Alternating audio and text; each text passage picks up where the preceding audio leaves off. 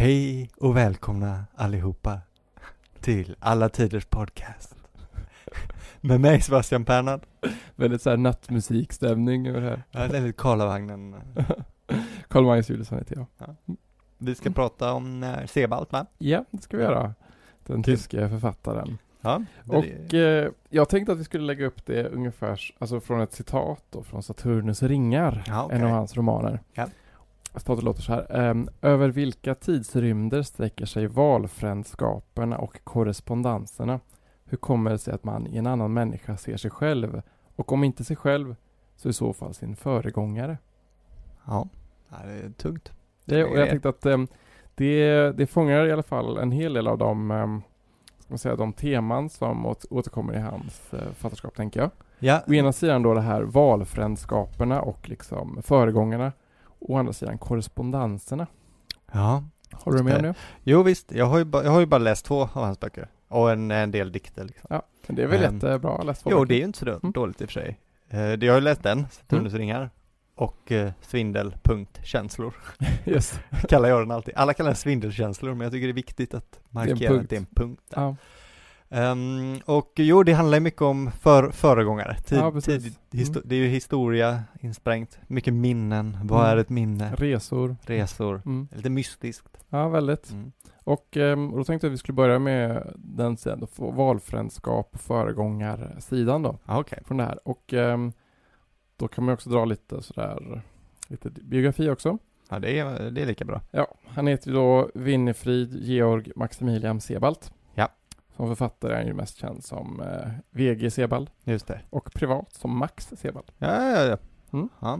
Han Ty- var, Jag tycker alltid konstigt när man har ett smeknamn som inte direkt härleder från ens födelsenamn. ja, Jag gillar inte det. men det är ju det här med tilltalsnamn och sånt där. Ja. Jag vet ju inte vad han hade för tilltalsnamn. Nej, jag vet. Men ändå, Max. Max. Och så Max av alla namn. Maximilian. är en Förkortning. Jo, Ja. okej då. Ja. Ja, ja. Finns väl någon logik antar jag. Men han var i alla fall tysk författare och ak- akademiker. Just det. Född 1944. Ja. Och dog då 2001. Mm. 57 år gammal i en eh, bilkrasch i närheten av eh, Norwich.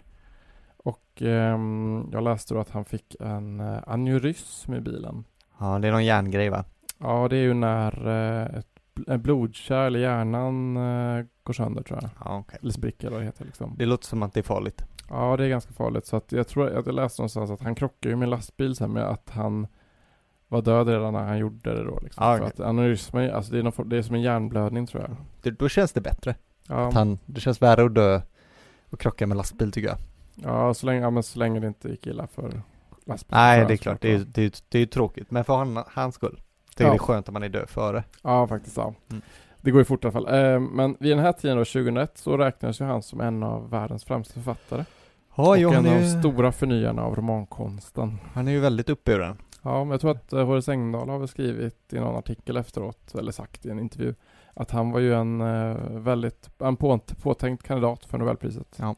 Och Ja, det eh, det är ju många som har sagt i alla fall att han verkligen kunde ha fått det om han hade levt längre liksom. Ja. Men tycker du att han skulle fått det? Ja men absolut. Han är, han är ju framförallt en väldigt unik författare. Alltså man, det är inga böcker som påminner om hans. Eller vad, vad Nej, jag har inte läst någon annan. Men jag är inte lika, jag är inte litteraturvetare och sånt som du. Du, sådana fina grejer. Så jag har inte läst så mycket modern litteratur och Nej. sådär. Jag är inte lika välbevandrad. Jag, ja, jag håller mig till mer dammigare, dammigare hyllor. ofta. Är döda hyllor. Ja, precis. Men äh, man sticker verkligen ut i äh, och har verkligen en, en eget sätt att skriva som jag tycker är väldigt, väldigt spännande. Ja, ja, jag tyckte det var jättebra. Jag tyckte, jag blev görglad när jag läste Svindelpunktkänslor första gången. Ja, men det är verkligen böcker man kan läsa om många gånger. Liksom. Men ska vi säga, han, han föddes då i en stad som heter Wertach, Mm. som ligger i Bayern. Eh, längst ner i Tyskland nära den österrikiska gränsen. Ja. Och eh, några år senare flyttade han och hans familj till den närbelägna staden Sonthofen. ja, det ser väldigt fint ut där omkring. Ja, det har du varit Ja. där? Eh, ja. ja, inte just där men alltså det södra Bayern och Al- alptrakterna omkring Mm. Det är superhärliga grejer. Shit. Ja, nej, det är fortfarande någonting för mig att upptäcka. Pittoreskt, Ja. ja. Magnus. Det är ordet, ordet vi söker. Men det, jag tror det är en väldigt intressant del av honom också, just att han, han liksom har den här väldigt, eh, vad ska man säga, lantliga uppväxten då. Och Ja. han, är, ju- han är ju inte från de tyska storstäderna liksom, Nej. han kommer ju från den här liksom perifera sidan av liksom Ja. Tyskland. Det är väl lite, lite en grej som känns som att går igenom honom som en perifer karaktär lite. Ja, han, Alltså, så- eh, han kommer ju välja det sen. Vi kommer ju komma till det. Jo men eh, fast han, jo för att han han går ju i exil sen ju. Som, Ja, så att han, välj, han fortsätter ju ha en väldigt Och Jag tänkte även efter det så jag läste en eh, recension av Saturns ringar Ja. i, en, eh, i The Guardian tror jag det var eller något sånt där. Någon engelsk tidning i alla fall. Och då skrev de mycket att det är så intressant att han är så uppburen. Det här var då när den kom ut. Men han tillhör liksom inte de litterära cirklarna. Nej nej nej. Utan han lever ju för sig själv liksom ute på landet i princip. Ja, han bodde ju mellan 1966 och 2001 så bodde han ju i England och eh, det var väl någon av de mindre universiteten han Ja. Ja, eh, University of East Anglia eller något sånt där. Ja, precis. Och sen har han varit i Manchester och Ja, sådär. precis. Men det är så inte, alltså att han, även om han är stor författare så han minglade liksom inte Nej, med de andra stora namnen. nej verkligen inte. Och det, ja, för han, han känns som sagt lite sådär, lite som en bergskille kanske. Ja, men vä- väldigt spännande ändå författar eh, identitet på det sättet liksom. Och men anledningen till den här exilen då, det brukar man ju härleda till att han eh, lärde sig vad nazismen var och andra världskriget handlade om väldigt, väldigt sent. Mm. För alltså han föddes det. ju 1944, Ja. alltså under, under kriget liksom, och eh, 1929 så hade hans pappa gått med i det som hette Reichswehr då, Mm. och som sedan blev Wehrmacht ju under nazitiden. Och hans pappa var ju krigsfånge också fram till 1947. Ah, han, att, han var på eh, där helt enkelt. Ja, så den unge Sebald då, han, han spenderade ju mycket tid med sin, eh, jag kommer inte ihåg om det var morfar eller farfar. Ja. Nej, Men, eh, det står ju Gråsfater. Det står ju en del om det i slutet på Svindelkänslan när han åter, återvänder till sin barndomsby där. Ja. Men eh, för att han fick ju se bilder från förintelsen när han gick i skolan i Oberstdorf. Men då var det ingen som kunde förklara vad det var som hade hänt. Nej, nej underligt. Så det, är liksom, det dröjde ju ända till 1963, alltså när han var 19 år och precis hade flyttat till Freiburg för att studera, som han faktiskt lärde sig vad som hänt vid den tiden då han föddes. Ja. Alltså se- 63 var det året då det var de här så kallade Frankfurt-Auschwitz-rättegångarna ju inleddes ju då. Och 1963 kom ju också Hanna Arendts den bana- banala ondskan om Adolf Eichmann. Ja. Han avrättades ju året innan tror jag, 1962 avrättades väl han. Ja. ja, det grävdes ihop mycket helt enkelt. Ja, precis. Att liksom hela Tyskland måste ju ha varit i någon form av liksom eh, omvälvningsfas där liksom. Ja, verkligen. Och men, men då hade liksom, till honom åtminstone då, alltså där han bodde då och i hans kretsar så hade ju ingen sagt någonting. Alla hade lagt locket på. Ja, Och eh, han har ju sen, han har ju senare beskrivit det som en tystnadskonspiration. ja det, Ja, det, ja, det, alltså det- låter, eh, låter som att eh, man har mycket undertryckta känslor kanske då. Ja visst. Och det är liksom, det finns ju mycket med i hans böcker, liksom framförallt det här att, ehm, att även liksom landskapen är också tysta på ett sätt att man kan inte se på de här fälten, alltså hur många det är som har dött där eller om Nej. det har legat i koncentrationsläger där och så där att Han skriver i sina dikter typ att det är eh, svårt att förstå är nämligen landskapet när du far förbi med snabbtåg från ett håll åt ett annat medan det stumt betraktar ditt försvinnande. Ja, ja det, det slog an väldigt personligen hos mig också för att eh, jag har åkt ganska mycket bil genom Tyskland. Eh, p- som liten, eller liksom eh, under hela min uppväxt i princip upp till eh, nu, nu, så jämt. Ja. Eh, och då har jag alltid liksom, man har åkt de här fälten, suttit i bilen de här långa, långa tiden och bara stirrat ut på de här fälten och alltid liksom sett framför sig allt som kan ha skett här. Ja. Alla krig, liksom då andra världskriget och, och 30-åriga kriget och sådär som levde i ens fantasi hela tiden. Mm. Ja, precis. Och det, och det är så att han, han besöker många sådana här fält i sina böcker just och det är den här att det är just om det, hur svårt det är på ett vis att förstå det liksom. Ja. Det är så stor skillnad. Verkligen. Det är, så är det ju bara man besöker ett, alltså ett slagfält från Ja. vilken tid som helst det är där så ser man ju ingenting. Nej, nej precis. Det kan vara jättesvårt att, att få en uppfattning om, om att här har det hänt en massa konstiga grejer liksom. Ja. Men liksom, eh, med det som han liksom, han hade ju väldigt svårt att komma över den här liksom, eh, Ja, det kan den man här förstå. insikten liksom att eh, och det var ju den som, det var den som fick honom att han, han bodde ju aldrig mer i Tyskland. Alltså han, det var ju några år senare efter han fick reda på det så hade han någon slags, vad ska man säga, lektorsutbyte med Manchester. Ja, okej. Och, ehm, och från år 1966 då, det var ett- alltså tre år efter att han då var i Freiburg, Ja. så äh, återvände han aldrig förutom på någon resa då och då eller på något, någon, något, någon termin på något utbyte. Liksom att han bodde aldrig mer i Tyskland efter det. Nej, det blev väl kanske omöjligt. Ja, liksom att han aldrig kunde förlika sig med vad som hade hänt och just att ingen berättade om det. Nej, det måste väl också vara det värsta delen. Alltså att man Ja. lever i en, eh, i en värld som känns helt förljugen. Ja, och att hans pappa också då hade varit Just med det. i, i Wehrmacht då liksom. Att, Just det. alltså det, ja, det är ju väldigt liksom stort liksom. Ja. Och ehm, det finns ju en, ehm, vi ska gå in på det här med korrespondenserna sen, men det. det finns liksom en scen som kan vara redan nu vara lite kul att nämna från Svindelkänslor. Där eh, Henri Bale, eller Stendhal, som Ja, han är mer känd som. Han besöker då platsen för slaget vid Marengo Ja, under Napoleonkrigen. Där 16 000 män dog och 4 000 hästar. Ja. Ja, och som han då själv var med i också, Stendhal tror jag. Ja, va? ja, ja okej. Och ehm, han upplever då en form av svindel, som är med i bokens titel, Mm. mellan bilderna i hans huvud och det han nu ser framför sig. För att det finns ingen överensstämmelse mellan det futtiga minnesmonumentet och hans föreställning om slaget eller det enorma likfält som han nu står vid. Liksom. Ah, okej. Ja, Vilket ju är väldigt, eh, alltså, ja, det är tungt. han skriver ju, det är Stendhal som skriver det här om Napoleonkrigen då, men det Ja. hade ju lika gärna kunnat vara, Ja, det hade lika gärna kunnat Ja. vara Tyskland och andra världskriget. Liksom. ja visst.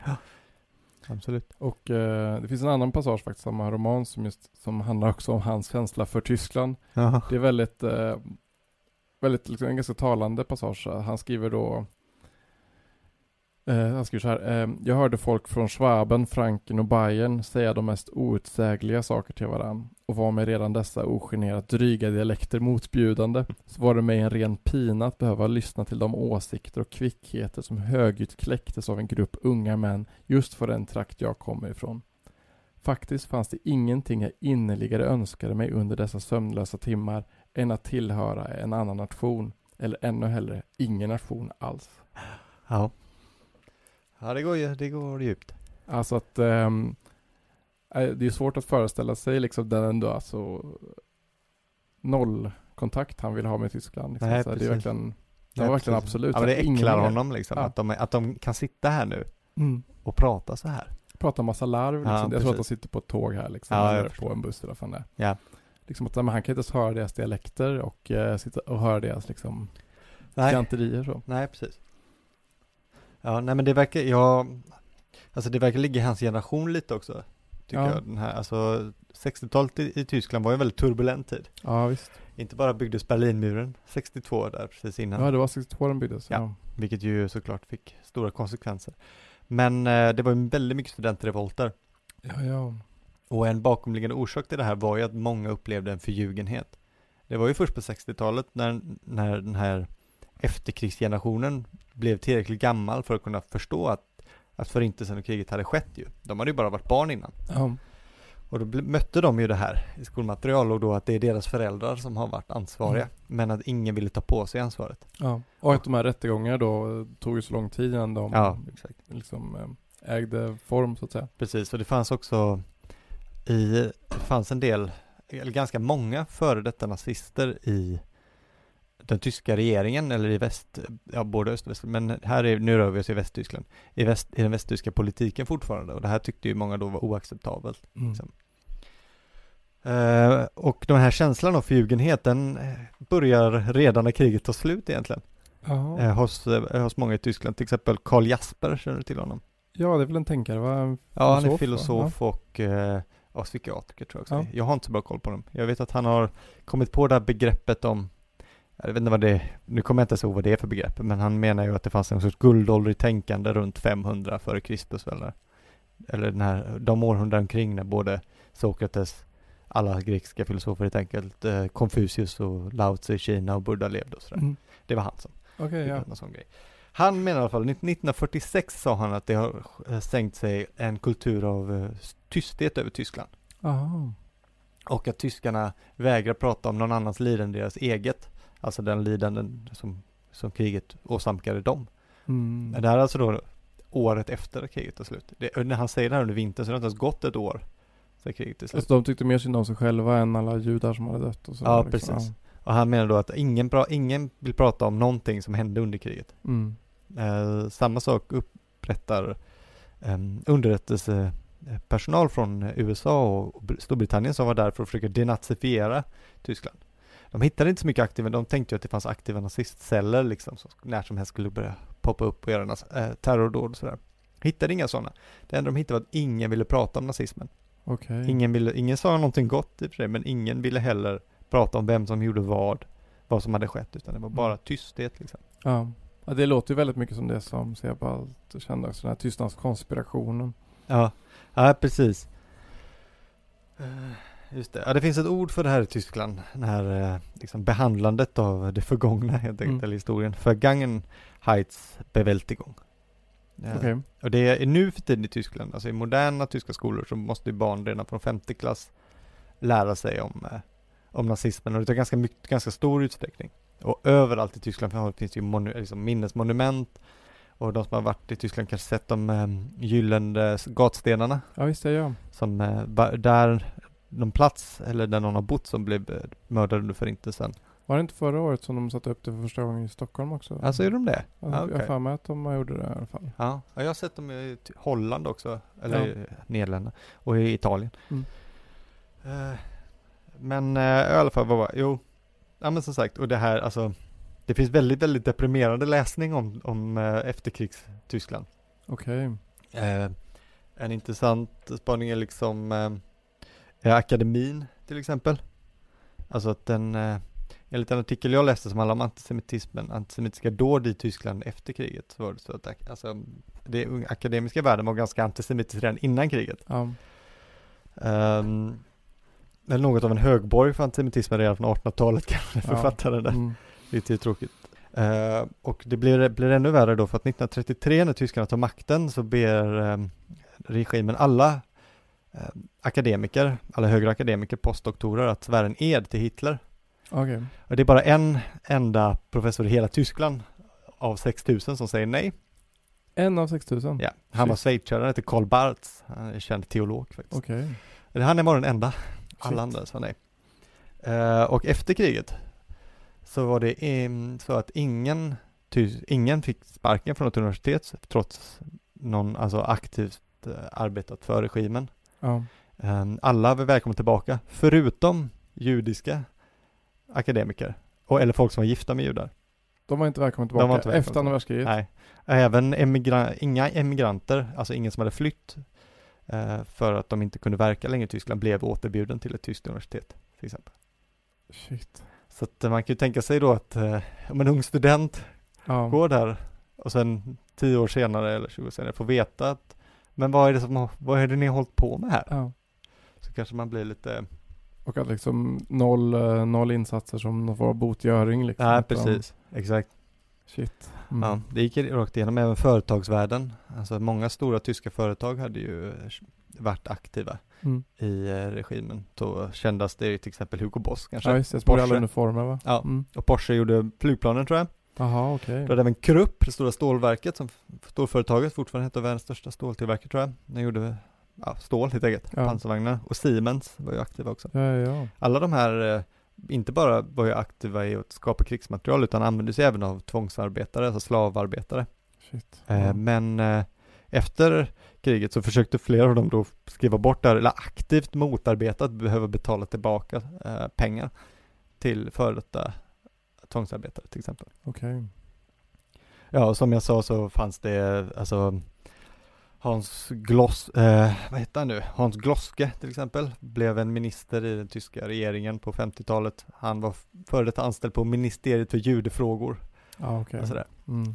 Ja men eh, så jag när den här generationen på 60-talet eh, var tillräckligt gammal för att få reda på det här så fick de ju flipp liksom.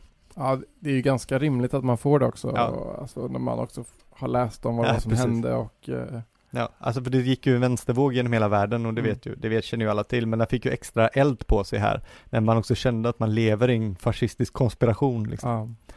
Och eh, ja, det här var ju en av de ledande anledningarna till Baader-Meinhof-gruppen till exempel. Ja, de citerade det här.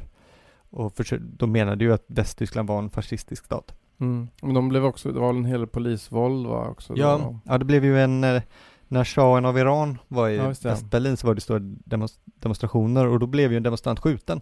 Ja, just det. Han hette Bruno Ornesarg, fint ja, namn ja, faktiskt. Mm. Uh, han blev skjuten av en polis som hette Karl-Heinz Krasse tror jag. Han, Vi Okej, kan lämna mm. honom, jag tror han hette det.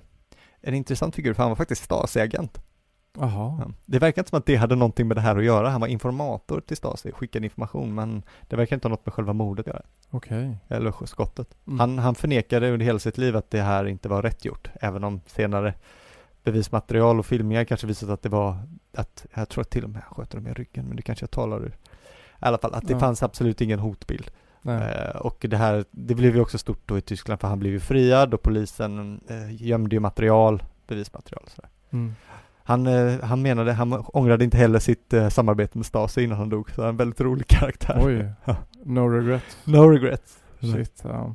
Han har ett citat med om du bråkar med mig, då slocknade, var hans svar på frågan. Så Holy ho en, eh, ja, en kanske lite samvetslös figur som dyker upp i den här historien. Ja. Ja, men det var bara ett försök att illustrera den här. För det, för det äger ju på ganska mycket sen. Jag har ju sett, jag har sett den här Bottom of Complex-filmen har jag Ja, just sett. det. Just det Sen har ju. Sandberg har gjort en, alltså en roman också om eh, eh, Ulrike Meinhof. Ja, Som heter Just. Teres. mm, jag har inte läst den.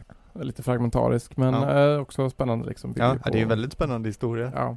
Men, eh, ja men det fanns ju vissa kopplingar där kände jag. Mm. Till, Ja, ja verkligen. Eh, alltså, och att så här, det finns olika sätt att ska man säga, hantera den här, Ja. den här, den här chocken. Liksom. Det ena är ju Precis. den här liksom, som de gör då, som är ju aktivt våld liksom, och eh, alltså terrorism egentligen. Ja, Medan liksom, ja, Sebald valde ju egentligen bara att dra ju.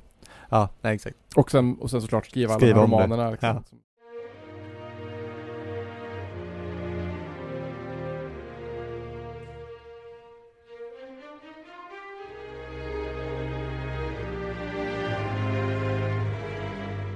Jag tänkte också innan vi liksom går till de här korrespondenserna, tänkte jag också skulle prata lite om just den här genren.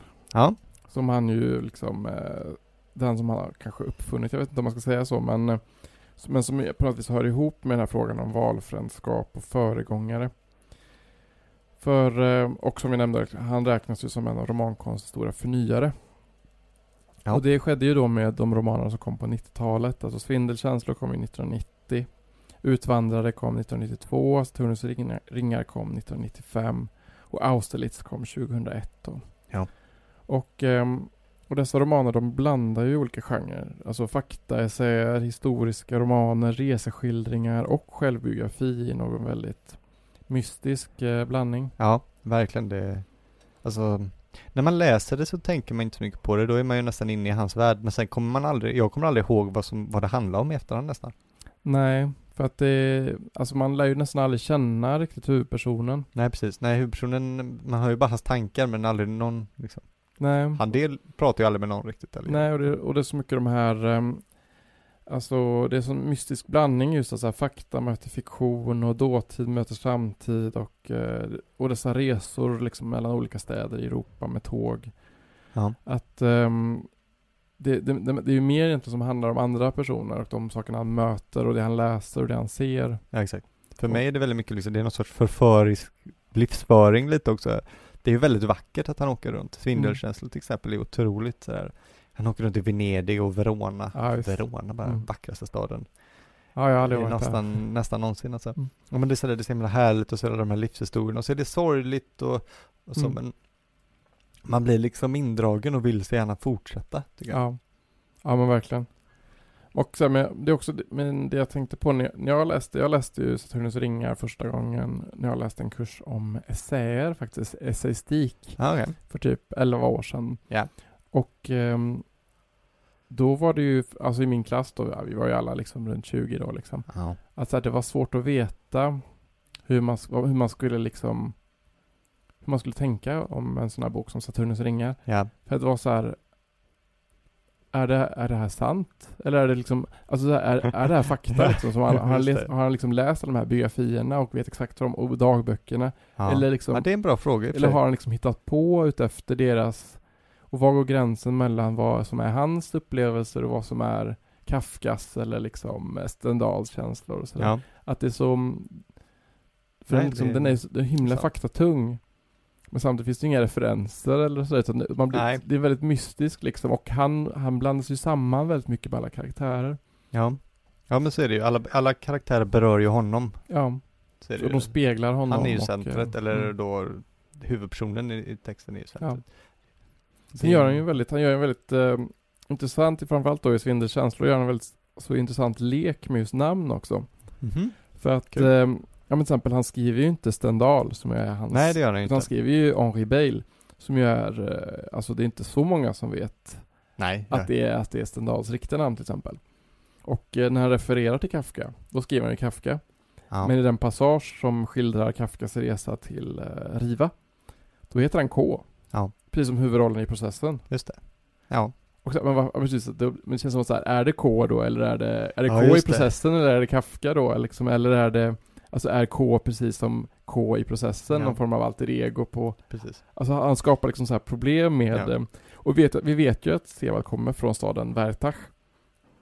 Men när han i svindelkänslor åker tillbaka till sin hemstad, så heter den bara W. Ja, ja. Att det är en, alltså det är en, en av få städer där som inte skrivs ut. Nej. Nej vet, han gör ju sådana här små lekar liksom med, med dessa referenspunkter.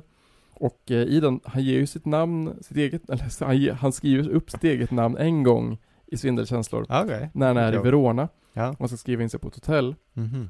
Men då gör han det under namnet Jakob Philip Fallmerayer.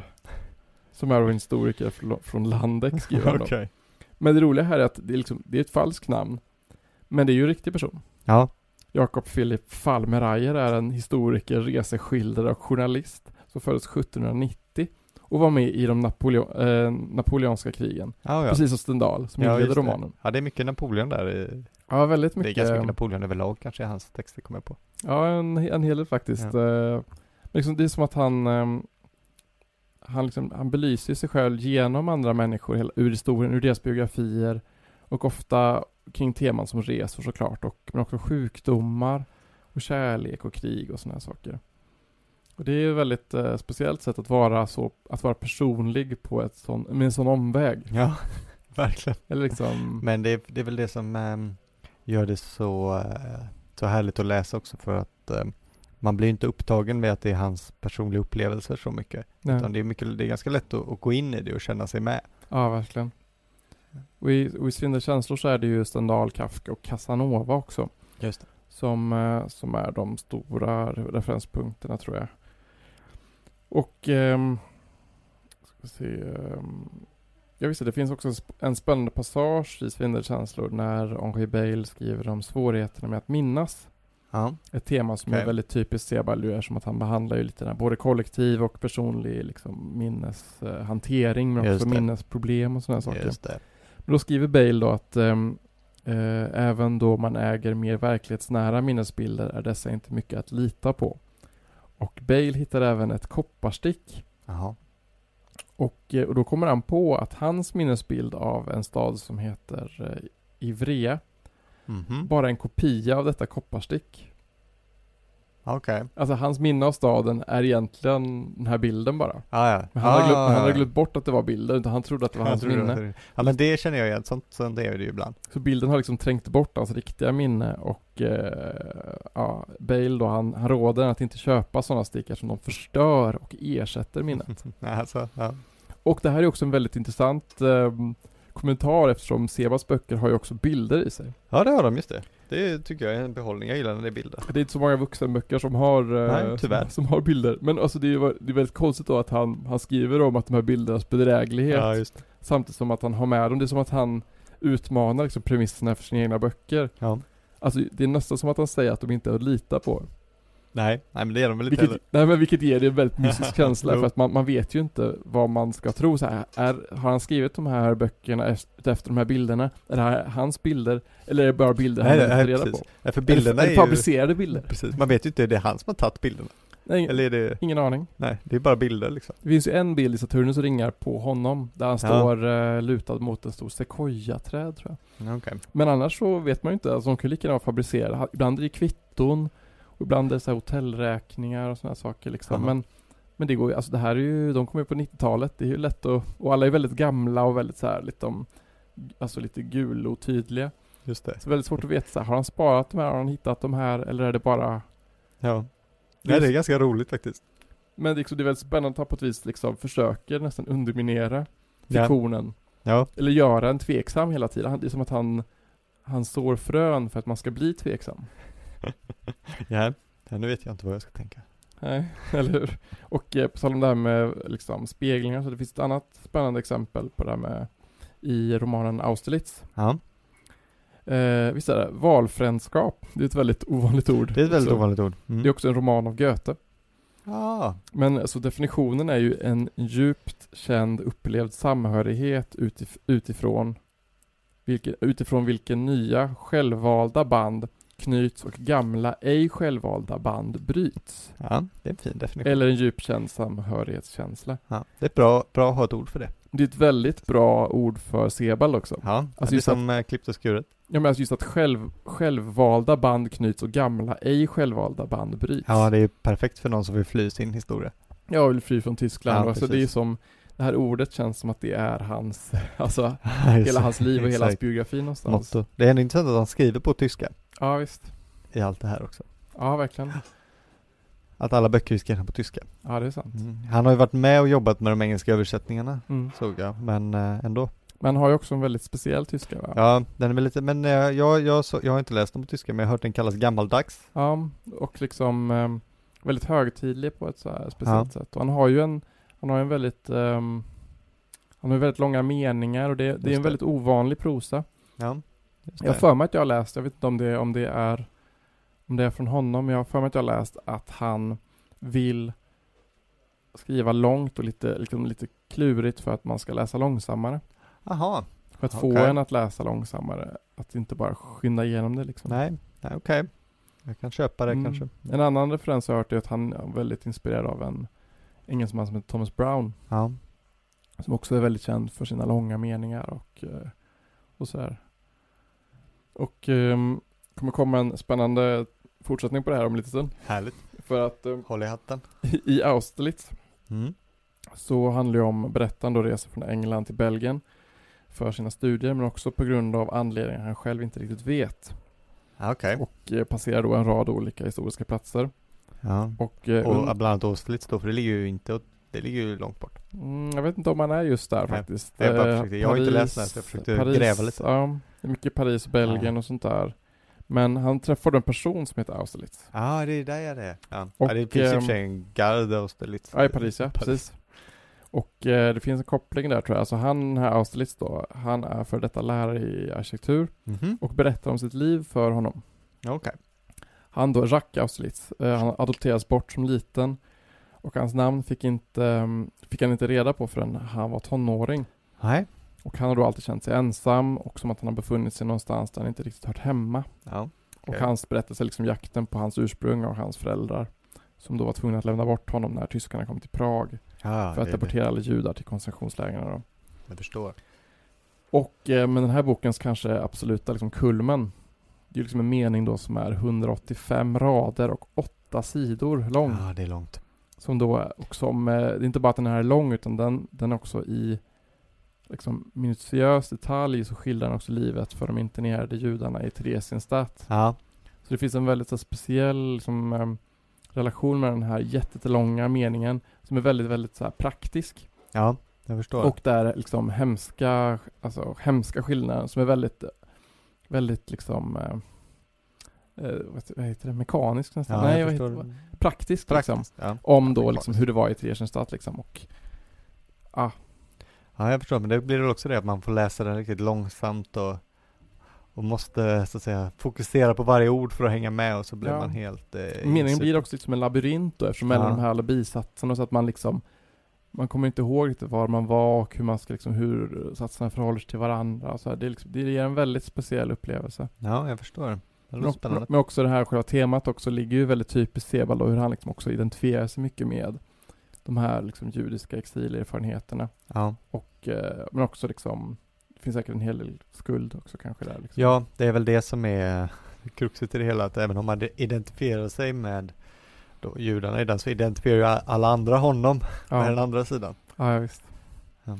Ehm, nu tänkte vi skulle gå över på de här korrespondenserna. Ja, spännande. Som gör liksom det andra stråket i den här i citatet som vi inledde med. Ja, Och ehm, vi, har, vi, har, vi har pratat lite om några av korrespondenserna, alltså mellan berättaren och olika personer och de här slagfälten, hur de liksom hör ihop med varandra. just det. Och eh, utifrån de premisserna kan man egentligen nästan välja vilken bok som helst av Sebald, för det här återkommer ju väldigt eh, mycket i hans böcker. Är det så? Ja. Du har Ja. läst alla eller? Jag har inte läst Utvandrare Ah, faktiskt. nej, nej. Men jag har läst de andra. jag har läst de andra väldigt mycket. Ja. Men jag tänkte ändå prata om eh, svindelkänslor Mm, utifrån en annan typ av korrespondenser. skönt. Och jag tänkte börja med titeln. Jaha.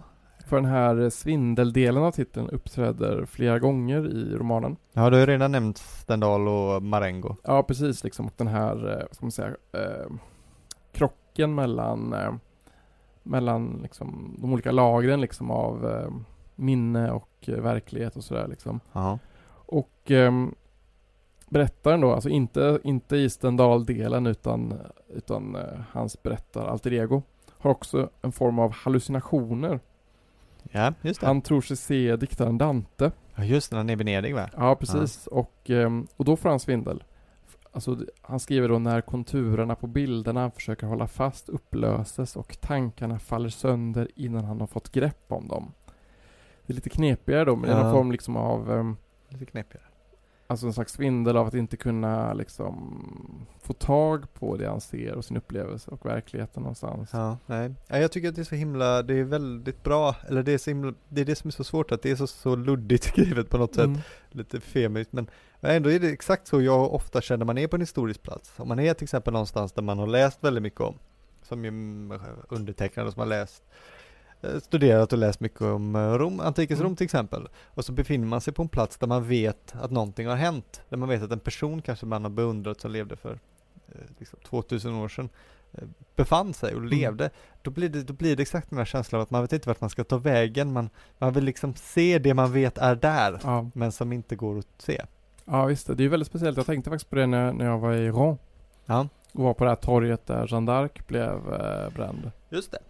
Och det var ju, det var, var ju bara ett vanligt Ja, torg. det är såklart. Ja, men precis. och det är det de man- har byggt ett så väldigt modernt eh, monument liksom till det. Ja, Och det är någon, eh, någon fiskhandel och sådär. Men här, det, var inte alls, det var inte alls så man tänkte. Man skulle tänka att det fanns någon, liksom, en viss historisk tyngd i Ja. Att det skulle vara någonting ja, för att det är det som är det konstiga ofta med att vara på en plats som är väldigt historiskt tung, är att den är bara en helt vanlig plats. Ja. Alltså det, kän, det är inget där, det känns inte alltid. Mm. Inte alltid får man sånt där. Till exempel koncentrationsläger är ju en, man, när man besöker det så, i alla fall jag känner verkligen att det, Mm. det hänger något i luften liksom. Men, Ja. men oftast, Men det finns ju många, många koncentrationsläger finns ju inte kvar heller. nej, så och, är då, det. och där är det ju bara ett, ja, men ett fält eller Ja, liksom en skogsdunge eller Ja. sådär. Och det måste ju vara någonting, det är någonting, alltså en så pervers känsla av att Ja, varför, varför finns det inget här? Nej, men jag tycker det var väldigt, väldigt bra skrivet där om Dante. Jag hade en liknande upplevelse i faktiskt Verona när jag var i ett rum där Dante höll en föreläsning. Va? Eh, eller hade hållit en föreläsning. Jag tror Petrarca hade gjort det också. Wow. Ja, och de är precis två av mina absoluta favoriter. Och så är man där på samma plats liksom, och sitter i bänken där och får en sån här totalt virrvarrig känsla. Det är samma väggar fortfarande liksom och samma, det är egentligen samma inredning för det är en kyrka, lite, Ja. lite omgjord bara. Du fick svindel? Jag fick svindel, vi kan, se- vi kan kalla det svindel. Mm. Ja, jag hade nog inte kallat det nu, men om vi ska gå in i, om vi ska göra en sebald på sebald så. Men du sa att du blev yr. Det väl Ja det sa jag i och för sig kanske. Ja, Ja, förlåt. Det är väl Ja. definitionen av en form av svindel? Jo, det är det. eller när vi var i eh, Thomas av Aquinos Ja precis, in i hans, eh, in i hans cell ja. Ja. Mm. Ja men eh, jag tycker att eh, det, det bevisar eh, Sebalds eh, geni. Ja, jag. visst. Och ehm, han får också svindel ytterligare en gång faktiskt. ehm, när han är i Milano. Ja. För att han blir av med sitt pass under den här resan. För Ja, det är ehm, på ett av hotellen så um, råkar de ge bort hans pass till en eh, annan tysk eh, turist. så han är liksom borta. Så han var tvungen att åka till Milano till någon slags konsulat för att få Mhm. tag på ett nytt. Och då sätter han sig i domkyrkan där. Ja just det. och kan plötsligt inte säga om han dvaldes i de levandes land eller alla redan på ett annat ställe. Jaha, ja. Att liksom man får en slags jag svindel över ifall, jag vet inte om det här annat ställe är liksom döden eller om det är liksom att det är liksom Det låter ju så kan man Ja, tycka. men lite. eh, ja. Men också så här, eh, alltså att det är liksom en slags svindel mellan olika tider och olika platser på en gång. ja, Att befinna sig liksom i flera ställen samtidigt och så. Ja. Han ser också Ludvig den andra av Bayern på ett ställe. Ja, Okej, det kommer inte jag ihåg. Okej. Ja, och, eh, det och, vilket också nästan blir som en förebådan då om, om resan i slutet på eh, romanen när han åker Ja, till just det. Bayern. ut sin- Bayern, ja. Mm. Men det finns också en annan rolig parallell tycker jag. Det är att eh, på engelska heter ju romanen Vertigo, som vi Ja. sa. Och eh, han har ju själv varit med i översättningsprocessen till engelska. Just det. Och eh, det finns ju många paralleller också i den här romanen till Hitchcocks film. Jaha, gör det? Kul. Tycker du om den filmen? Ja, jag tycker om det. Det var länge sedan jag såg den. Det är en grym film, det är en fantastisk film ska jag säga. Ja. Det är eh, en av Hitchcocks bästa och en av periodens absolut bästa filmer tycker jag. Jag säger att vi pratade om det innan vi började spela in. Om, Om att den hette Vertigo. ja exakt, vi gjorde ju det. Men då, men då avslöjade jag inte vad jag skulle säga Nej, okej. Men, ehm, och i den, här, i den här filmen så upplever ju eh, James Stewart som spelar huvudrollen, han upplever ju en, en massa svindel hela tiden ju. Oh ja. Han har ju liksom en, han har ju en riktig svindel också, alltså rent um, Ja, fysisk precis. från den här eh, klocktornet. Men han upplever ju också svindel när olika bilder korresponderar med varandra. Till exempel hennes spiral i håret, ja. spiraltrappan här uppifrån, spiralen när vatten rinner ner i ett handfat. Eller när, liksom, när saker påminner om varandra. Och, eh, och, men också när något är fel, som när han ser Kim Novak fast i andra kläder och annat hår och så vidare. Mm. Alltså det finns ju den här typen av eh, Alltså att se mönster överallt, att se korrespondenser, att se att allting hör ihop. Det finns ju nästan en paranoid, ja, liksom, eh, meningsbyggande liksom, tendens i den här romanen också. Han har ju visserligen ganska rätt så att säga, men ja, utan att spoila slutet. Men också hos, den finns ju också hos, hos Sebal också den här att saker hör ihop liksom. Ja. För det finns ju mängder med just mystiska samband i svindelkänslor. Mm. Det är, inte, det är ju inte en vanlig, ja men det är ju inte en vanlig reseskildring. Till exempel så här, Napoleonkrigen dyker ju upp i alla berättelserna. Ja. Först ur Stendhals perspektiv. Men sen i slutet när han är i Bayern, där hittar han en uniform från någon som varit med i slaget vid Marengo. Just det. Och befunnit sig vid Gardasjön, där ju Kafka var. Ja. har, han har ju en passage som handlar om Kafkas eh, resa liksom från eh, eh, från Verona till eh, Venedig. Okej. Nej, nej. Ja, Han, han var i Verona, på Ja. väg till Venedig och Gardasjön. Och Kafka är också med i nästan alla historier också. Och det finns också en rolig, det finns en rolig passage då. En passage som jag faktiskt tänker är rolig. Ja, okej. För att han är, när han är ute och reser då i den här, i närheten av, jag tror det var i närheten av Verona kanske. Ja. Så, Ser så ser han två tvillingar Ja. Som ser ut som Kafka som ung. Aha, Och okej. de här tvillingarna är kanske runt 12 eller 13 år eller sånt där. Ja. Och, ehm, och han liksom, han kollar på dem och bara, och bara så, men det här är, det här är ju liksom identiskt med en ung ja. Kafka. Och så ber han föräldrarna att skicka honom en bild på dem till, till hans adress i England. Ja, det kan han inte göra. Ja. Liksom, men han skriver också att han fattar ju samtidigt hur illa det här ser Ja. ut. Och att de måste tro att han är en engelsk pederast. Antagligen. Ja. Ja, så liksom, det är en ganska konstig liksom grej. Det är en konstig grej att göra. Men också Måste det han ha en han- bild på dem? Ja, men det är så, det är, Vad ska han göra med den? Ja, men det har med någon Ja, jo, kanske. Men det är också så sjukt liksom att så här, upplevelsen av att se Just att han ser dubbelgångare och han ser likhet överallt. Ja. Och eh, vi har ju nämnt att han, att han ser Dante och Ludvig II.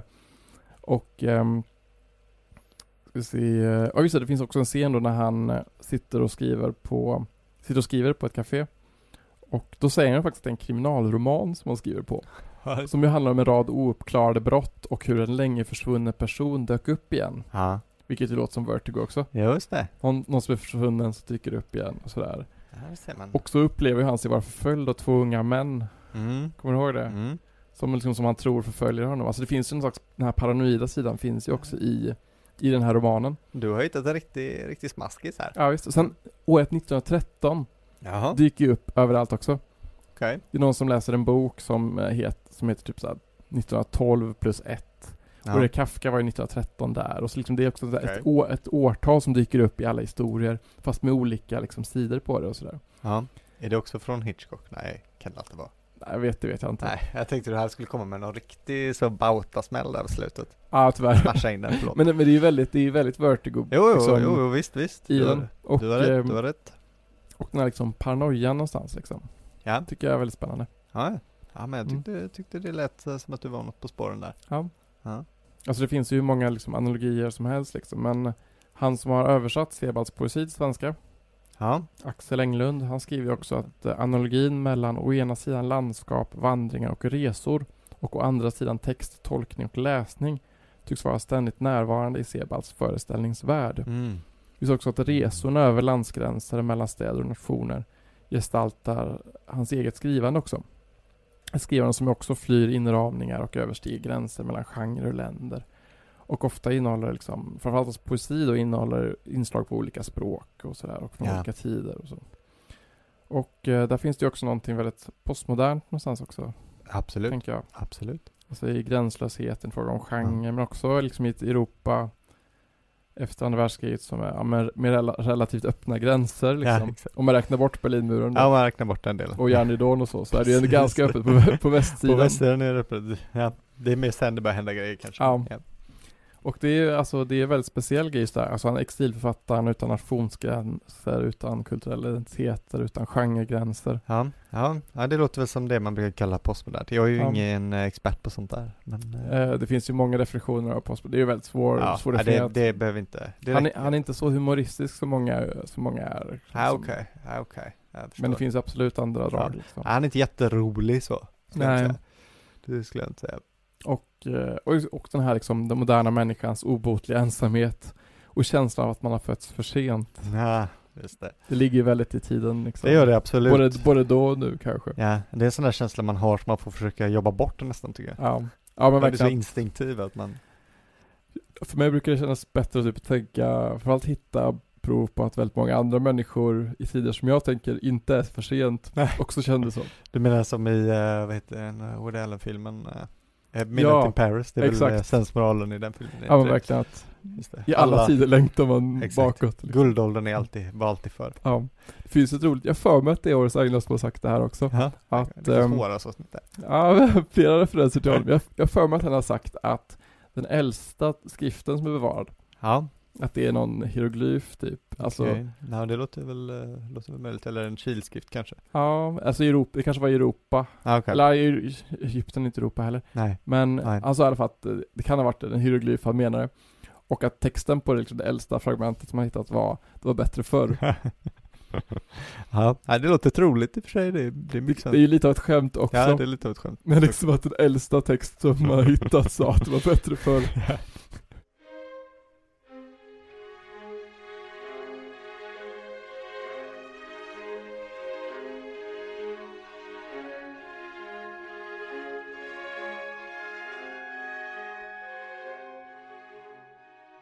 Um, också en annan en rolig grej också är ju att um, med tanke på att de här böckerna handlar om att resa så mycket så, så verkar han ju inte gilla att resa.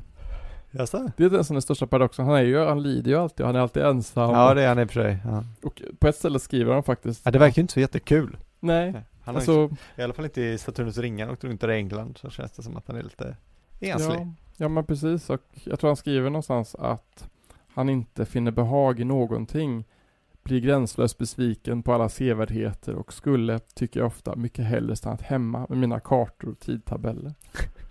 Ja, nej munterjökes. jag kan också tycka det är så intressant på ett vis att så här, att ehm, han skriver om dessa resor, han reser hela tiden. Men, ja, Ja. Det är fantastiska resor också. verkligen, och Ja. så här, till alla häftiga ställen. Men det känns som att han, men samtidigt så, så är det inget han gör för sitt nöjes skull, utan det finns någon slags etiskt i det kanske. Liksom, ja, eller, kanske. eller liksom att, um, ja, att se de här sakerna, att liksom uppleva de här sakerna, någonting han måste göra. Och det har ju Ja. oftast mycket med arbete att göra, men det är inga nöjesresor.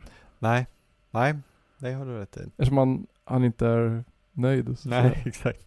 Han är väl ensam också alltid? Ja, det, han reser ju alltid ensam i de här, Ja, han var ju ändå gift men ja just det, och hade ju barn också. Ja. Mm. då fick inte följa med. Inte i böckerna Inte i åtminstone. böckerna. Nej, det är ju det som är frågan. Det är ju kanske inte verkliga resor heller, det vet man inte. Nej, precis. Ja, ännu en gåta. Ja. Mm. Men vilka, vilka böcker liksom. Ja, och, eh, verkligen.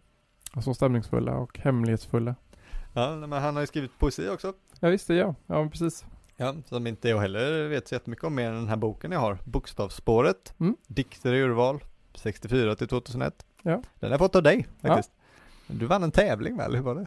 Ja det var på Instagram. På Instagram. ja, coolt. Det var en sån där julklappsgrej att om man du vet, uh, taggade sig själv så kunde man vinna lite böcker som Jaha, var det så det var? Okej. Och då, jag hade ju redan den så att jag, Ah. eh, så bara då skicka den till dig istället. Ja, det var väldigt snällt. Vilken god vän jag Ja, är. jag väldigt, blev väldigt glad. Ja, Jag, alltså, jag hade för mig att du vann det via, din expertis på något sätt. Nej nej nej, det var bara, det var bara slump. Det var bara slump, exakt. Men han har många fina, många sådana här kortisar också. Mm. Bra diminutiv. Eh, som jag tyckte var fin. Den här tyckte jag var jättefin och det är så kul att den blandar då den här konstiga att han håller på med Napoleon hela tiden.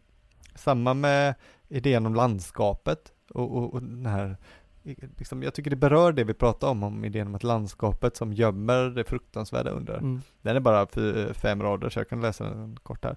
Det sägs att Napoleon var färgblind och blod för honom lika grönt som gräs. Mm. Så att, eh, det, jag tycker det, det är frågan där, för att det ser ut som gräs när det har gått ja. 200 år. Ja, det är bara ja, gräset kvar ju. Ja, det är sant. Så vad är det liksom, vad är det han pratar om? Mm. Ja, det är väldigt mystiskt också. Ja. De är ju väldigt stor skillnad på hans poesi och hans romaner. Gör de det? Alltså för romanerna har den här, ja men lite högtidliga, väldigt långa meningar, väldigt, eh, en väldigt elaborerad stil. Men ja, hans okay. Eh, dikter är ju väldigt Ja de är korta ofta och äh, även de. Korta, lite talspråkiga och, ja. och han har ju skrivit det att um, att man inte kan dikta efter Auschwitz han Nej, just Men krafsa går bra. Men krafsa går bra. Så att han såg ju sina dikter som att han krafsade lite grann. Ja, jag förstår. Och de har ju den här väldigt eh, liksom vardagliga framtoningen. Ja. Även om de ju innehåller liksom mycket allusioner och eh, referat och ci dolda citat och sånt ja, där. De är ju så att eh, det är mycket, det är mycket liksom referenser och sådär också. Ja. Han har ju, han är ju latin ibland. Jag vet inte om han har skrivit det själv eller om han har, eller om det är citat för någonting. Inga jag känner igen uttrycket. De är ganska fina, mm. tycker jag. Uh, och en del uh, engelska också kommer in. Ja, ja men precis. Mm. Alltså den här, så till exempel den här han blandar han blandar liksom saker väldigt mycket. Jag kan läsa den, lite ja. längre men det är ju bara kul. Ja då. Här blandar han lite olika språk. Ja, det är ju svenska här nu då men uh, med, den, med den nedgående staden bakom mig läser jag om aftonen på hemväg Samuel Pepys berättelse om den stora branden i London. People, people taken to boats, many pigeons died, many pigeons killed.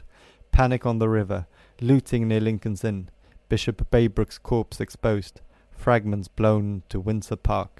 Tatselvurmen drar genom landskapet. Nattskuggor häckar och fält och milt lysande i mörkret den nu slutgiltigt hädangångna elefanten. Oj. Mm. Ja, jag tycker det är lite, jag börjar gå in på liksom branden i London på mm. 1600, 1666 och Samuel Peppers beskrivning av den. Och sen är han uppe i Alperna helt plötsligt med Tatselvurm, om det är något mm. du känner igen. Det, nej, nej, nej. det är ett, ett öst, sådär alpfigur, det är lite som eh, Loch Ness-monstret kan man säga. Aha. Alltså det är någon sorts drakliknande monster som folk som bor i Alperna påstår att de ser till och från. Okej. Okay. Um, ehm, och sen den här elefanten i slutet, vad nu det kan vara. Jag tänkte att det hade någonting med Elephant and Castle i London att göra kanske, men det här har jag inga bra belägg för. Ja, det kanske är, alltså, han skriver ju en del om djur ibland och djurparker ja. så det kan ju vara någon sån där, du vet, elefant som folk har, som de forslade till. Ja. Till, ja. forslade till Tyskland ja, på 1800-talet eller någonting. Men jag tycker det är också där, eh, det liknar ju ändå på vissa sätt hans, mm. hans eh, romaner eftersom det, är liksom, det känns som att han kommer på en association och så mm. är vi där helt plötsligt. Ja. Han ser någonting och så, så, byter han bara spår och nu kör vi på det här. I Svindelkänslor slutar ju med Samuel Peppys dagbok också ja. och branden i London. Just han kommer ju tillbaka dit så går han på National Gallery mm. och så um, börjar han tänka på de dagböckerna och uh, det är någonting med askan som flyger och så här. Ja. Det är där den slutar liksom i just du de ser. dagböckerna. Sjukt alltså. Allting hör ihop. Ja, verkligen. De ska man läsa faktiskt, jag har inte läst. Jag har bara läst utdrag. Ja, ja jag har köpt, jag köpte dem faktiskt när jag var i London ja, okay. och um, har tänkt läsa dem länge, mm. men det har inte riktigt blivit av. Nej, jag har inte, inte läst det om branden ens. Jag har läst väldigt, han skriver väldigt mycket om ost tydligen. Jag läste väldigt, ganska mycket om, om det. Okay. Olika sorters ost han ska köpa. Ja. Då tänker mycket på, han tänker mycket på ost. Ja, vad härligt. Mm. Nej, men ska vi, ska vi sluta med osten där då? Ja, sluta med osten. Så det är bara sebast det blev. Ja, man slutar där man hamnar. Precis. Mm. Samuel Peppers förkärlek för ost. Mm. Vilken ost är det han ska köpa då? Det kommer jag inte ihåg. Cottage cheese? Nej, men det är liksom, jag tror det är lite ostsorter som fortfarande florerar, Stiltons eller något sånt där. Att jag försökte komma på någon engelsk och den är väl ja. engelsk Stilton? Den är engelsk mm. och det är väl den och cheddar. Mm. Ja, det är många goda engelskostar. Red Leicester, riktigt ja, nice. Ja, det är gott. Finns inte någon eh, Chelmsford eller sån här gott? Nej, Way, ja, Waleford eller sånt här också. Mm. Ja, gott. Ja men att eh, podd är ju lite som ett um, som en essä nästan. Att, ja, en, att man associerar vidare och så glider man iväg och så. Ja, vi gör det i alla fall. ja det är sant. Det finns, jag vet inte om det är man kan göra det på olika tillhör formatet eller om det är bara vi. Bra ja. fråga. Ja, men vi kan avsluta. Vi ska bara säga att eh, ni kan följa oss på Facebook och alla sociala medier och sånt där, så Ja. vet ni det. Behöver inte säga, behöver inte dra hela charangen varje Kan gång. du lägga ut en bra bild på en stiltonost? Ja, det kan jag. Grymt, kan jag göra. det vill jag se. Mm. Det är gott alltså. Ja. Så himla gott. En Plaumans. Undrar om man kan få tag i Göteborg. Vi får se, i så fall går vi, ska vi ta och dricka, ska vi gå till en engelsk pub nu? Ja, det tycker jag det. Gud vad trevligt. Dricka en, eh, dricka en bitter. Det vore Det gör vi. Ja. Gör det ni också, Ja. så, så kanske vi ses. Tycker jag. Hej. Ha det gott.